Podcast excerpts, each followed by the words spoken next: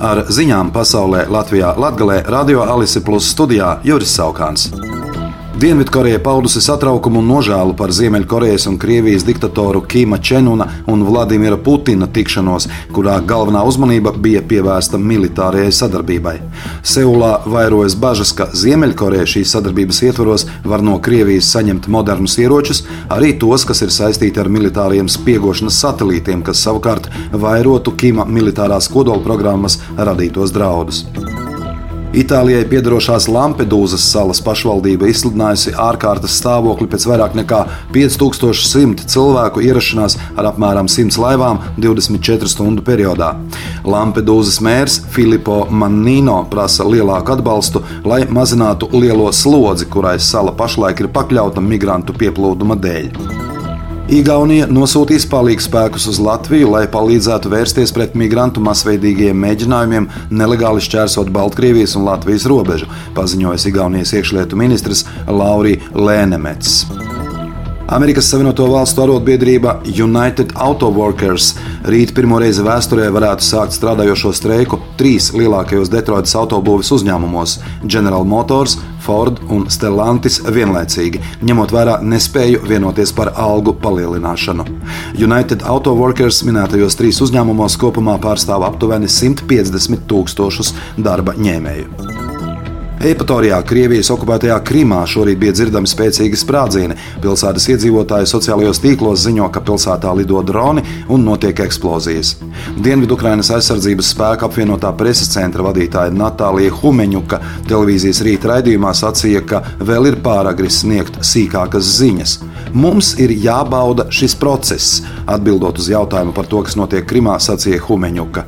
Viņa arī norādīja, ka Epatorijā ir koncentrēti daudzi okupantu militārie objekti, kas ir leģitīmi mērķi Ukrainai.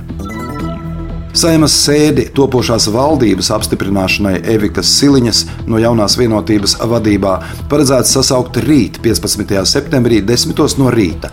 Tāpat rīt gaidāma arī īsa pirmā svinīgā ministru kabineta sēde. Šodien vides aizsardzības un reģionālās attīstības ministrs Māris Sprindžuks no apvienotā saraksta preses konferencē informēja par procesa sākšanu Reizeknas mēra Aleksandra Bartaševiča no kopā Latvijai atstādināšanai no amata. Ministrs nosūtīs Bartaševičam vēstuli, kurā lūdz piecu dienu laikā sniegt paskaidrojumus. Bartaševiča atbildi būs jāvērtē speciālajai komisijai, kas arī ieteiks ministram, kāds lēmums būtu jāpieņem. Pašlaik Reizeknas pilsētas pašvaldībai ir pievērsta pastiprināta uzmanība, jo tā ir izveidojušās finanšu grūtības un tā nespēj sekt savas saistības. Izglītības un zinātnes ministrija sagatavojusi un nodevusi publiskai apspriešanai grozījumus ministru kabineta noteikumos, kas paredz pakāpeniski atteikties no krievu valodas kā otrās svešvalodas apguves pamatizglītībā. Pašlaik Latvijas skolēni no skolas gaita uzsākšanas kā pirmo svešvalodu apgūst angļu valodu, bet līdz ar sākuma skolas beigām sāk apgūt otro svešvalodu. Teorētiski kā otro svešvalodu bērni var apgūt vācu, franču vai citas valodas, bet praksē visbiežāk mācīta tiek krievu valoda.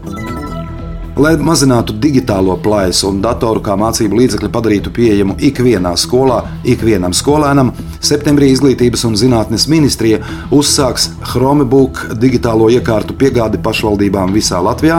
Līdz gada beigām plānots piegādāt 35,791 portatīvās datortehnikas vienību. Ar ziņām studijā bija Juris Saukāns. Projekta Ziņas bez robežām pasaulē Latvijā Latgalē ietvaros šo ziņu izlaidumu finansē Mediju atbalsta fonds.